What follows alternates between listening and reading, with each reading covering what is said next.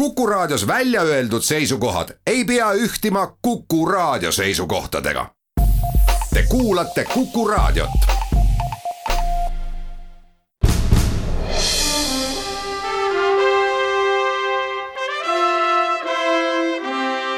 vahetund Postimehega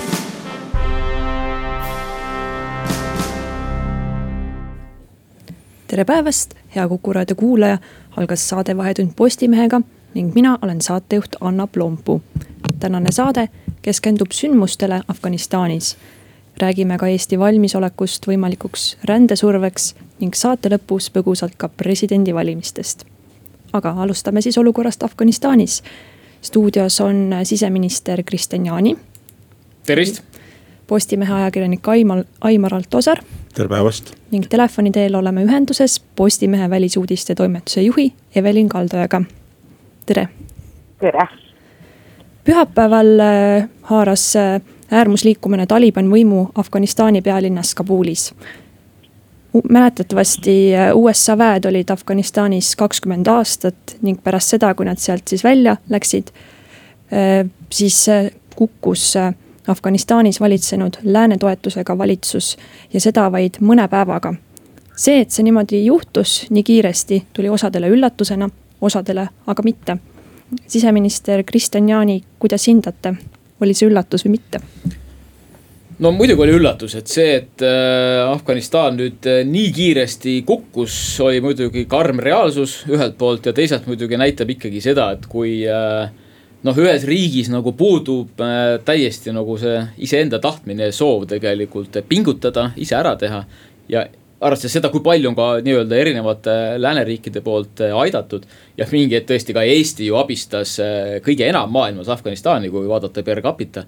no siis on karm reaalsus teistpidi väga kurb, et üks suur riik, kolmkümmend miljonit inimest ja lihtsalt niimoodi antakse käest ära. Evelin kuidas hindad, kas oli viga, et USA väed Afganistanist lahkusid? No mina alustaks sellest, et tõepoolest, et seal ei olnud ainult mitte Ameerika Ühendriikide, vaid äh, erinevate NATO ja ka NATO väliste riikide väed kakskümmend aastat. Äh, see, et äh, nüüd see riik kokku varises nii ootamatult, et see ei, paljude jaoks ei olnud väga suur üllatus, et ka ameeriklaste enda julgeolekuhinnangud sellest, et kaua seal üldse see valitsus püsida võiks muutusid järjest lühemaks ja nüüd ongi küsimus, et kas president Biden ignoreeris seda hoiatust või siis tõesti oli tema luureinfo väga, väga halb, et äh, kui pressikonverentsidelt on küsitud, et et äh, kuidas siis lood on, siis ta on andnud, nii tema kui tema lähemad nõuandjad on andnud selles osas väga selliseid äh, vastakaid vastuseid küsimusele, kas see nüüd oli viga, et Ameerika väed ja ka tegelikult teised liitlasväed, ega paljud ka eestlased olid seal mõni kuud tagasi veel väikese kontingendiga esi-, esindatud, välja läksid. Selle kohta on täpselt samamoodi erinevaid versioone, Euroopa liitlased tegelikult ei olnud nii innukad minema, sest Euroopa liitlastel on täpselt see, muuseas ka see, et kui seal nüüd kõik kokku variseb, siis meid võib ähvardada päris tõsine rändelaine sealtpoolt ka, et lihtsam ja parem on alati see, et sa ei pea hakkama inimesi aitama pagulastena oma riigis, vaid pigem siiski lasta nendel nende riigis äh, kuidagi paremini toime tulla äh,. Mis on toodud ameeriklaste poolt argumendiks, on see, et aga me ei tahtnudki seal igavesti olla ja me olime seal juba kakskümmend aastat olnud vabandust, siin on eriti brittide poolt tulnud kriitikat, et aga Lõuna-Koreas ja Jaapanis on teie baasid juba alates äh, teisest maailmast, või no Koreas Korea sõjast, aga Jaapani puhul teine maailmasõda, et need on olnud äh, kümnendeid ja kümnendeid, et äh, ja see kontingent, mis oli ameeriklastel nüüd ja ka teistel Afganistanis oli tõesti väike, see oli selleks, et hoida mingisugust selgroogu, pakkuda afgaanidele tuge. Äh, see, kuidas see tugi tagant ära tõmmati viimasel hetkel, see ilmselt äh, omas oma demoraliseerivat mõju. sest see, kuidas ameeriklased lahkusid juulikuu alguses Bagrami õhuväebaasist niimoodi, et Afgaani kolleegid said sellest, et ameeriklased läinud on, teada siis, kui nad nägid, et ameeriklasi pole enam nende kohtadel, see oli ikkagi üsna selline, ma, ma ütleks, et ehmatav ja kergelt sigadusehõnguline äh, tegu. ja ilmselgelt ka demoraliseeris ja ei saa öelda nüüd, et kõik afgaanid ei olnud valmis edasi võitlema, et näiteks Afganistani asepresident, esimene asepresident on teatanud, et tema on riigis, ta kavatseb jääda riiki, kuna Ashraf Ghani on riigist põgenenud, sest tema põhimõtteliselt on see, kes on nüüd president ja tema plaanib edasi võidelda, täpselt samuti osad üksused olid valmis võitlema, aga nendele siis tulid äh, käsud, mis käskisid neil äh, põhimõtteliselt positsioonid hüljata ja relvad maha panna, et see pilt ei ole nii ühene, et ma arvan, et me hakkame seda nägema, kui see pilt äh, selgub, et et mis toimub. Ja soovitan kindlasti lugeda tänasest lehest kolonelleitnant Margus Kuuli arvamuslugu sellest, et põhimõtteliselt hakkasid alla, asjad kiiva kiskuma siis, kui president Barack Obama teatas, et kahe tuhande kaheteistkümnendal aastal tuuakse väed välja, et, et, et see pilt on väga segane ja mina isiklikult arvan, et ameeriklased ikkagi ka käitusid järelemõtlematult ka selles väljatoomise tempos, sest see humanitaarkriis, mis seal puhkema nüüd on hakanud ja ka see, need pildid, mida me oleme näinud Kabuli lennuväljalt, need ei näita, et tegu oleks olnud väga sellise hästi äh, läbimõeldud tegevusega mm. -hmm ja et äh, ma just tahaks nagu sõnasabast haarata korraks kinni just selle rändevoogude nagu teemal ja need ohud äh, ühtepidi nagu Euroopa Liidu kontekstist ja noh, sealt edasi kindlasti ka selles kontekstis, mis puudutab äh, mis puudutab Eestit eh, ja natuke ka sellest, et noh, Tarmo Pildits ka tänases lehes ütles, et tema lootis, et mingi aeg võiks juba sinna turistina tagasi minna. ja kui me vaatame ka neid rändevoogusid, mis on eh, Afganistanist eh, välja olnud, siis noh, viimaste aastate statistika justkui nagu näitas, et lootust on, sest rändevood tegelikult protsentuaalselt olid päris oluliselt siin vähenenud, eelmise aastaga võrreldes kakskümmend viis protsenti. kahe tuhande üheksateistkümnenda aastaga lausa nagu kuuskümmend protsenti, et inimeste nagu väljavool Afganistanist oli tegelikult nagu trendina alla minemas ja täna, kui me vaatame nagu Euroopat, siis me pigem näeme küll äh, Afganistani inimeste liikumist, aga see on see teisene ränne, et äh, Kreekast suundutakse päris palju Saksamaale ja, ja, ja, ja Prantsusmaale. samas täna juba näeme ka seda, et kolmkümmend miljonit inimest Afganistanis ja sisemine ümberpaiknemine turvalistesse kohtadesse juba kolm miljonit inimest.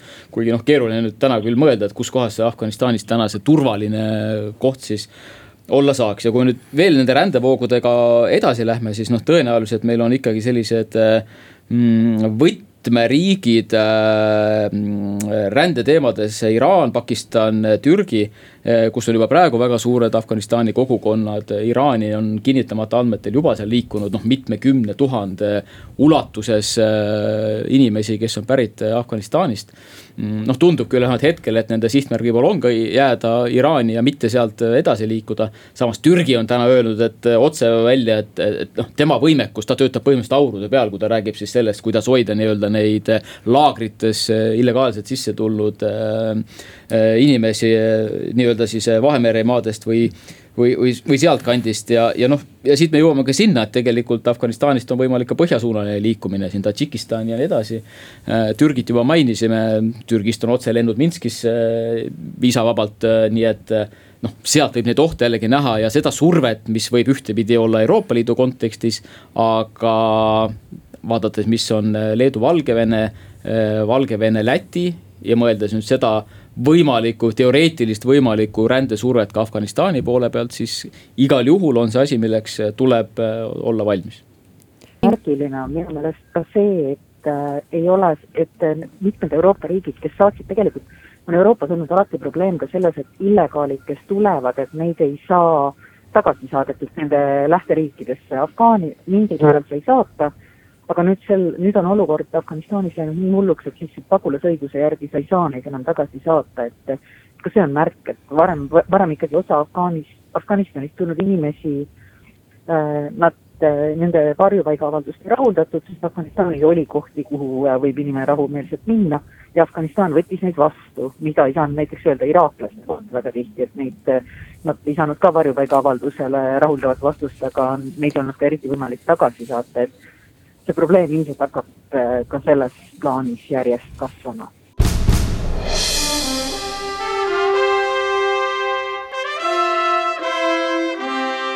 vahetund Postimehega.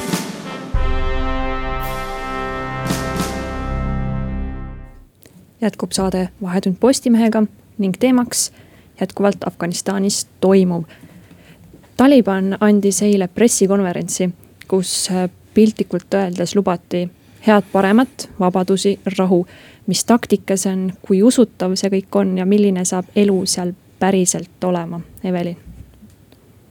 no siiamaani Taliban retoorika, jah, ta on pärast Kabuli jõudmist äh, kasutanud veidi paremat retoorikat, aga oma pealetungi vältel ta nüüd eriti hästi käitunud küll ei ole, sest seal tegelikult on juba korduvalt olnud momente, kus on öeldud, et nad on sooritanud sõjakuritegusid, nad on näiteks lõiganud läbi kõrisid tõlkidel, kes on töötanud, keda või inimestel, keda on kahtlustatud äh, NATO sõjaväe tõlkidena töötamises, nad on, korraldasid äh, umbes tuhande ohvriga veresauna Spinbol, Spinboldaki äh, piiripunktis, see on siis Kandahari pro, äh, provintsi Lõuna-Afganistanis, samuti äh, räägitakse sellest, et nad ikkagi äh, umbes käivad ja loevad äh, noori vallalisi tüdrukuid kokku külades äh, samuti kardavad näiteks naissoost, äh, naissoost sõjaväelased, naissoost riigiametnikud, nad kõik kardavad sellepärast, et neile võidakse kas kättemaksu rakendada või siis on ka inimesi, kellel on juba töökohad kaotatud.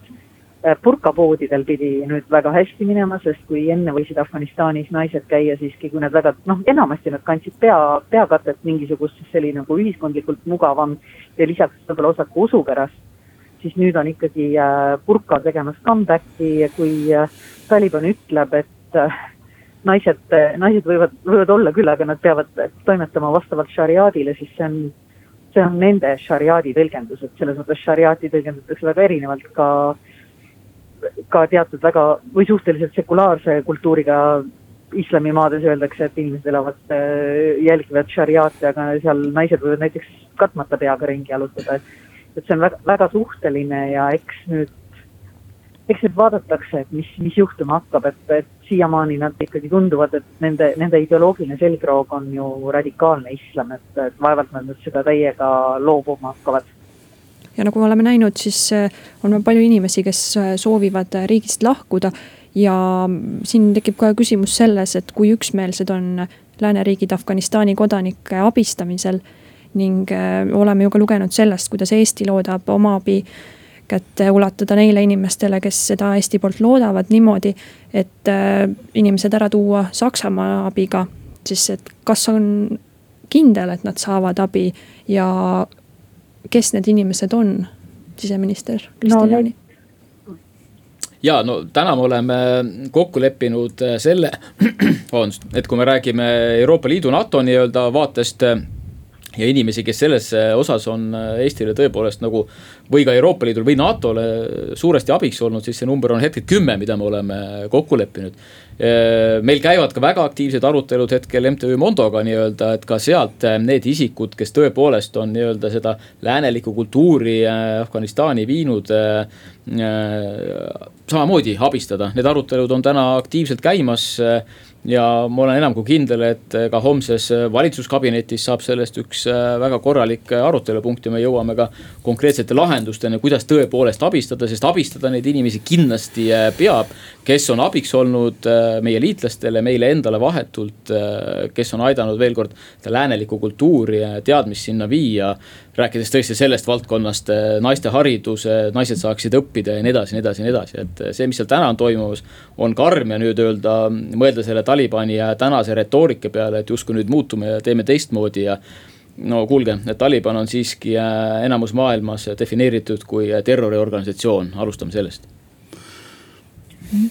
traagiline võib-olla selle juures, et me ei saa, et me, et me saame aidata inimesi, kes on ohus, üksikuid inimesi, aga see ei ole võimalik, et me saaksime tuua ära terve Afganistani või siis need kõik, kes on nii-öelda progressiivsema mõttelaadiga, et, et ma arvan, et sellest, sellest hakkab peagi sündima päris äh, tõsiseid pingeid.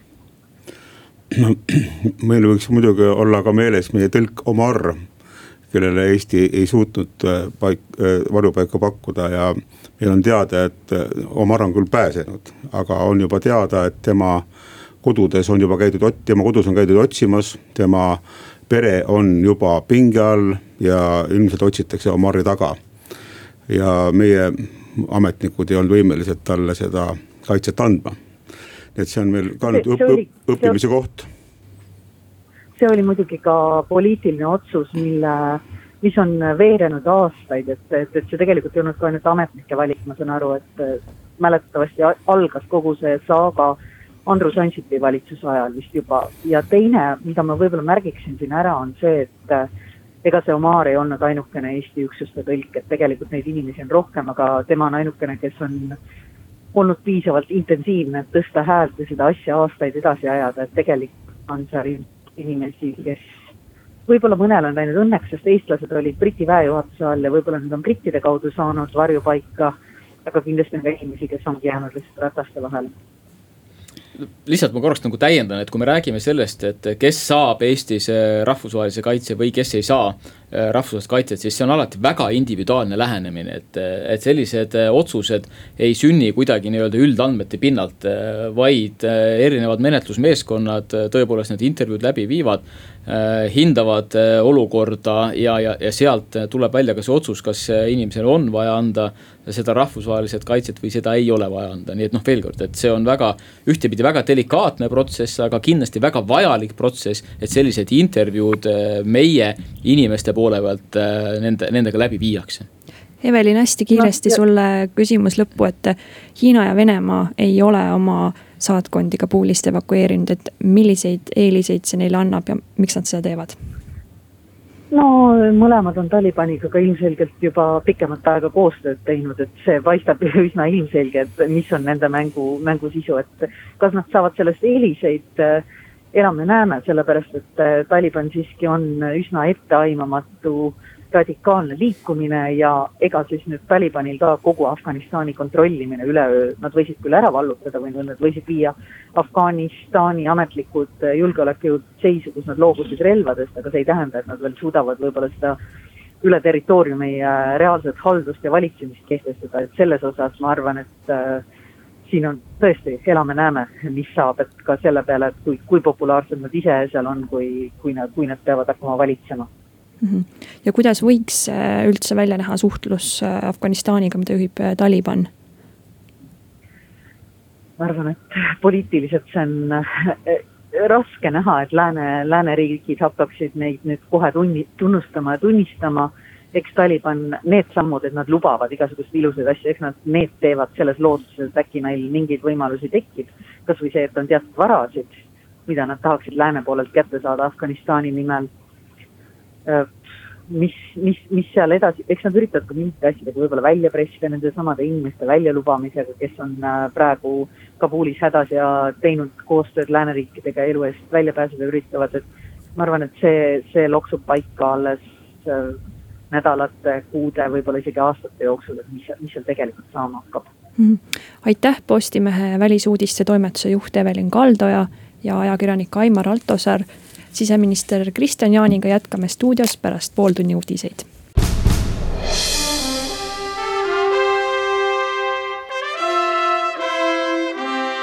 vahetund Postimehega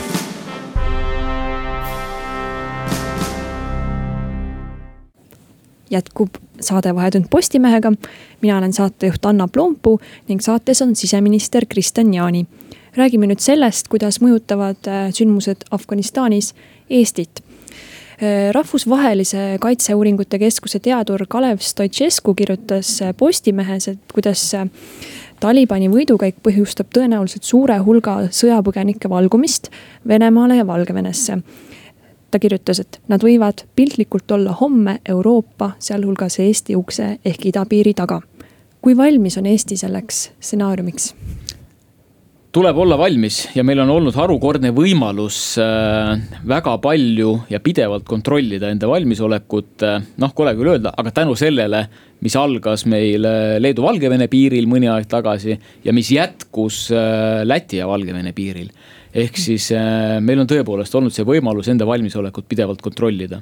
Äh, seda nii välispiiri valvamise vaates kui ka tegelikult siis sisepiiride äh, valvamise vaates. Ja noh, täna ka ju Politsei- ja Piirivalveamet on sisepiiridel, konkreetselt siis Eesti-Läti piiri peal nii-öelda seda patrullimist kõvasti tõstnud, ennetamaks siis nii-öelda seda, et inimesed, kes on sisenenud Euroopa Liitu Valgevenest läbi Läti või Leedu, ei hakkaks näiteks transiidina kasutama koridori läbi Eesti pääsemaks Põhja Põhjamaadesse. Õnneks me ei ole täna sellist liikumist ega ohtu kuidagi näinud ja, ja hetkel ikkagi on selline soov nendel inimestel, kes on illegaalselt Euroopa Liitu sisenenud, liikuda edasi Kesk-Euroopa suunas, Saksamaa suunas. Mm, ja noh, tõepoolest, ma, ma ei usu, et mitte ühegi selle illegaali soov oleks jääda kas Leetu või Lätti, on ju, et äh, ikkagi eesmärk oli liikuda sinna, kus on suuremad kogukonnad neid ees ootamas. ja ei Eesti, Lätis ega Leedus selliseid suuri kogukondasid äh, ei ole. aga loomulikult välispiiri vaates on ka oluline olla igakülgselt valmis hea on see, et me oleme näinud, äh, kuidas praktikas on välja kujunenud sellised uued taktikad. kuidas leedukad, lätika, lätlased on oma piiri valvanud. Äh, nii-öelda selline jõuline tagasitõrjumine, mis peabki olema tegelikult ju eesmärk, sest äh, eelkõige Euroopa Liidu vaates ju. me olemegi võtnud kohustuse enda välispiiri põhimõtteliselt iga hinna eest valvata. ja meie õigusruum lubab ka igas olukorras kasutada tegelikult sundi. et nii-öelda piiripunktide vahelisel alal suruda tagasi illegaalsed piiriületajad riiki sisenemiseks õige koht on ikkagi piiripunkt ja sealt tuleb äh, riiki siseneda. aga tõepoolest äh, need sündmused, äh, mis on Afganistanis kindlasti veelgi enam paneb meid suhtlema meie partneritega nii siseriiklikult, nii välisriikides.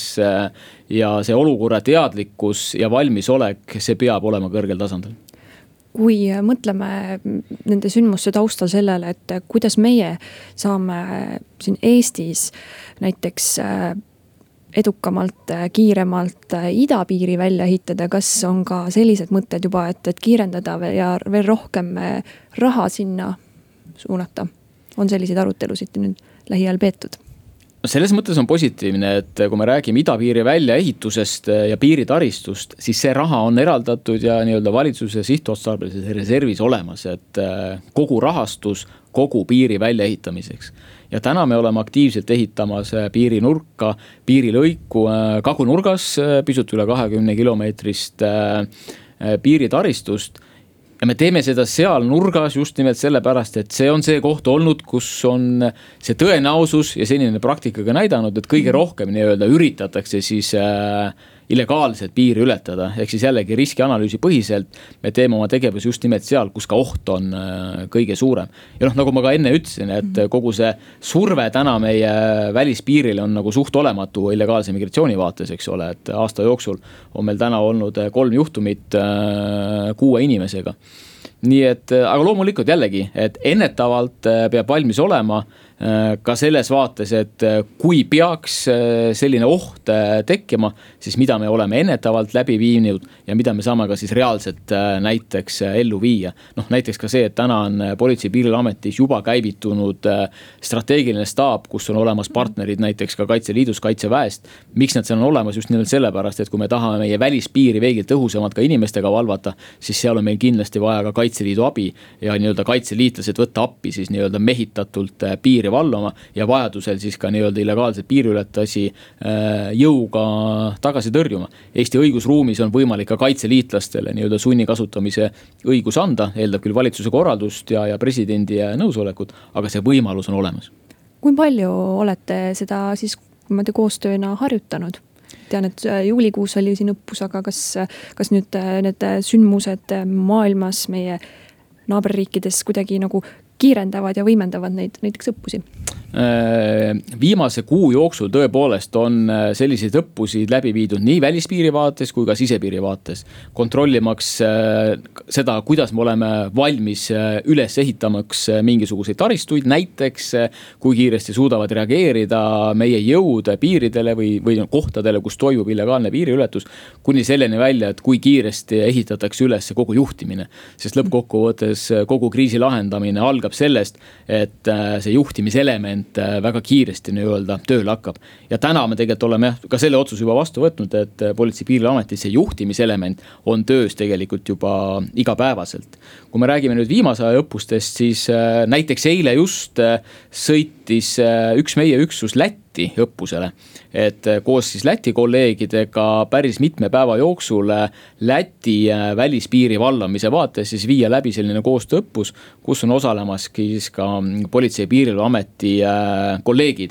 mis on jällegi väga hea rahvusvahelise koostöö harjutamise vaates, sest loomulikult on ju ka meie ootus see kui meie peaksime abi vajama, siis me ootame seda nii meie lähinaabritelt kui kindlasti ka äh, Euroopa Liidu tasandil, olgu ta siis Frontex või, või, või Euroopa Liidu elanikkonnakaitsemehhanismi kaudu just äh, tahtsin äh, teema tegelikult äh, sinna viia, et, et kas on ka selline riskiprognoos, et mis siis saab näiteks, kui tõesti see rändesurve hakkab tulema korraga nii Leedu, Läti kui ka Eesti idapiirilt. ja, ja kas on mõeldud, et kuidas siis nagu teha, et siis ju üksteisele appi on natukene võib-olla keeruline minna, et, et kust siis abi tuleb? hetkel seda ohtu ei ole ja survet ka kuskilt ei ole nüüd, kui me räägime plaanidest, siis meil on olemas massilise sisserände hädaolukorra lahendamise plaan, mille siis juhtasutus on Politsei- ja Piirivalveamet.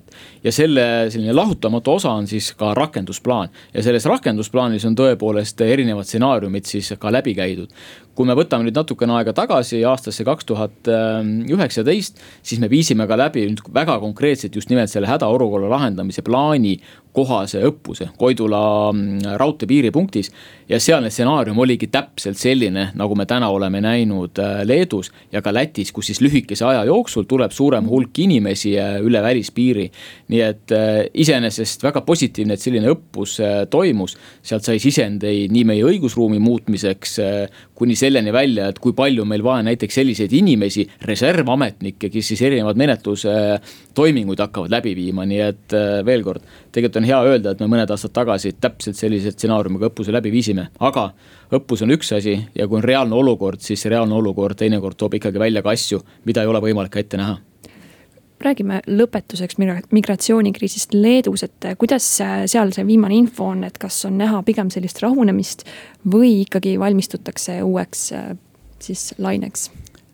Selles mõttes äh, tänu leedukate äh, enda taktika muutusele võib seda rahunemist tõepoolest näha, sest äh, noh, praktiliselt selliste illegaalsete piiriületuste number on läinud ju nullilähedaseks humaansetel kaalutlustel on seal üksikuid inimesi tõepoolest ka leedukate poolt üle, üle lastud ja vastu võetud Äh, aga kogu number, mis täna Leedus on, selliseid inimesi, kes siis noh, tänu Valgevene poolt poliitiliselt suunatud sellisele illegaalsele migratsioonile, neid on üle nelja tuhande, pisut peale nelja tuhandet äh, ühtesadat ja nendest seal äh, üle tuhande natukene, tuhat kuuskümmend oli eilne number, on siis esitanud ka rahvusvahelise kaitse taotluse.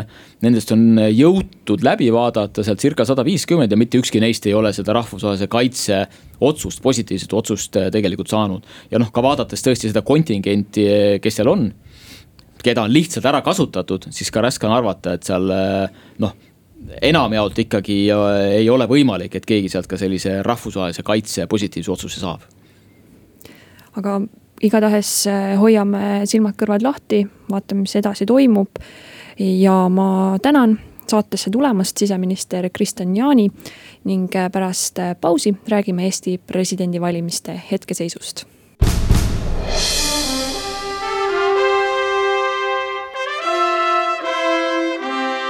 vahetund Postimehega.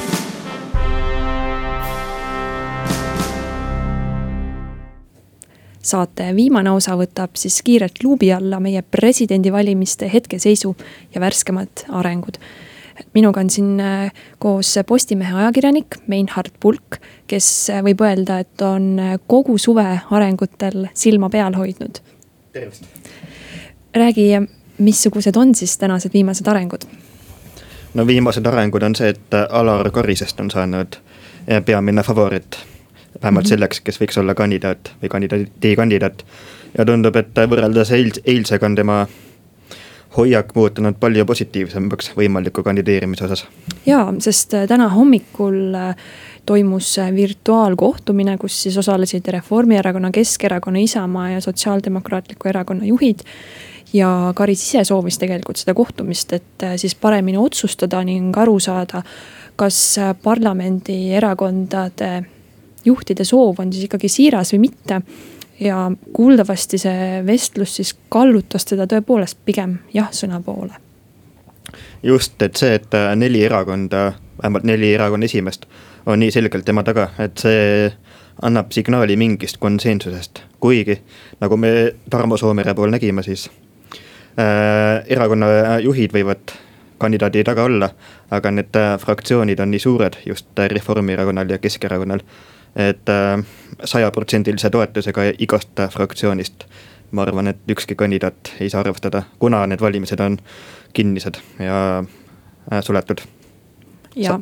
salajased siis see, sellele on ju ka Alar Karis ise viidanud ja, ja öelnud, et ta, ta saab väga hästi aru sellest, et see, kes, kuidas ta ütles, et see, kes, kes lubab sellist garantiid, et noh, et see, kes ei tea või valetab, on ju. et ähm, ja huvitav oli ka see, millest Indrek Saar täna rääkis.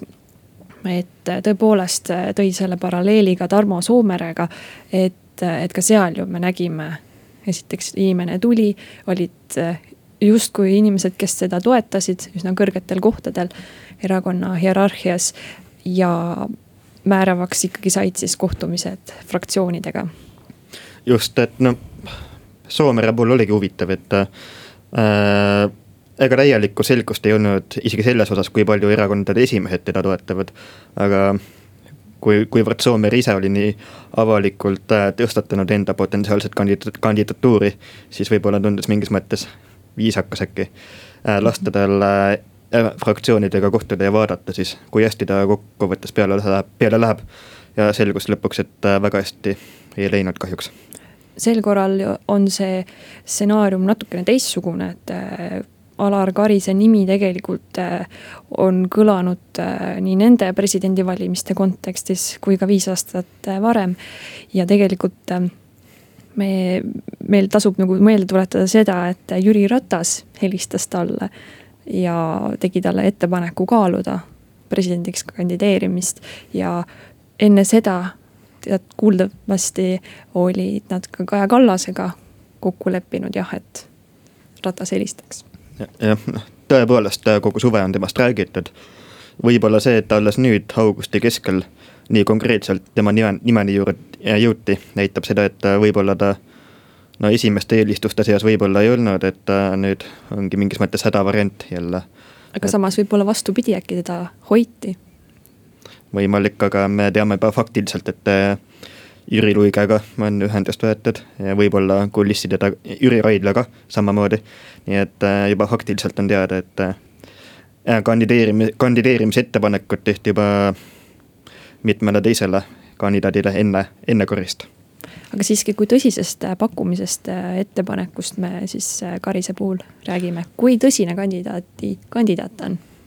ma usun, et väga tõsine, et no mina kuulun sellesse ringi, kes usub, et koalitsiooni huvi on selgelt riigikogus ära valida presi-, president.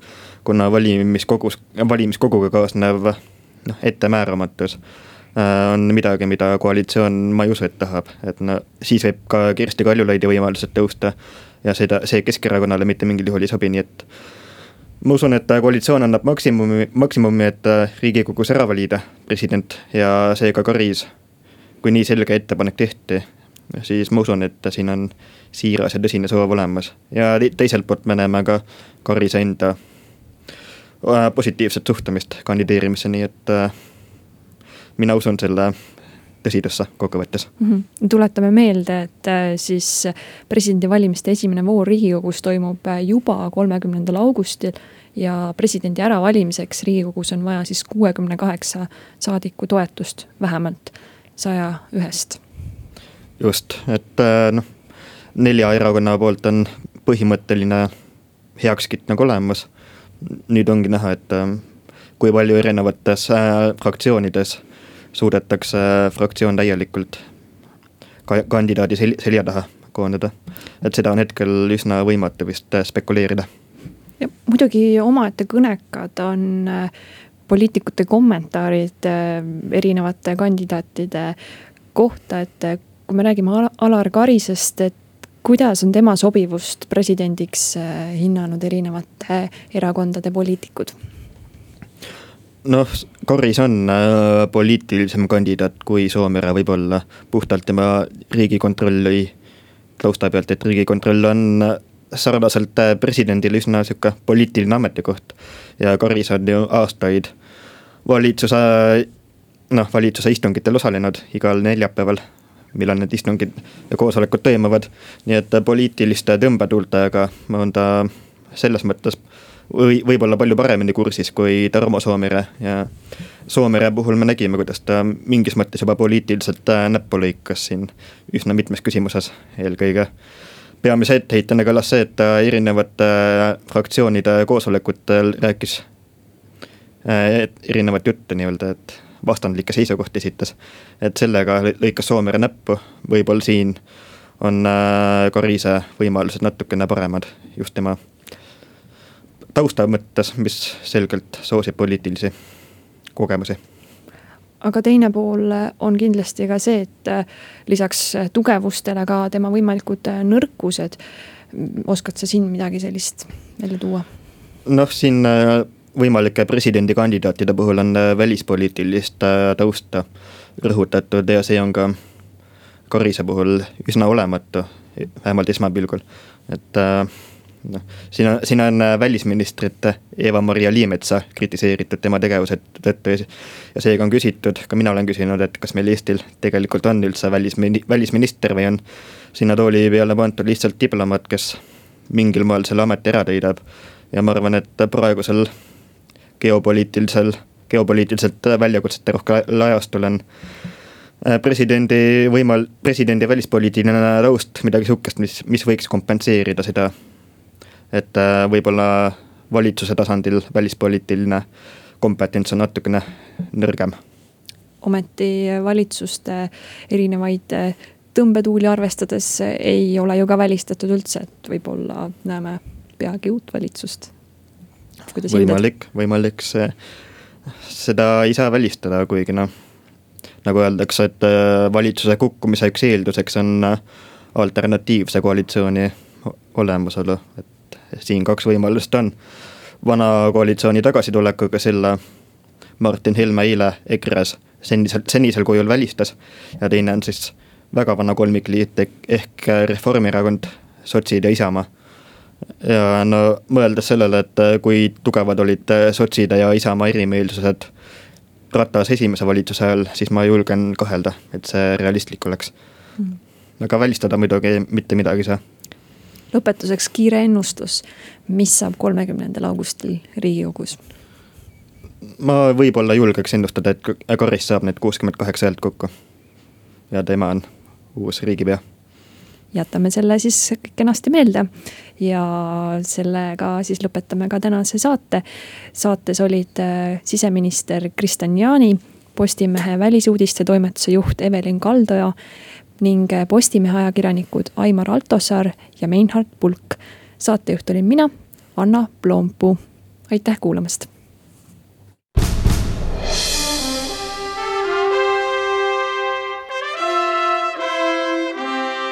vahetund Postimehega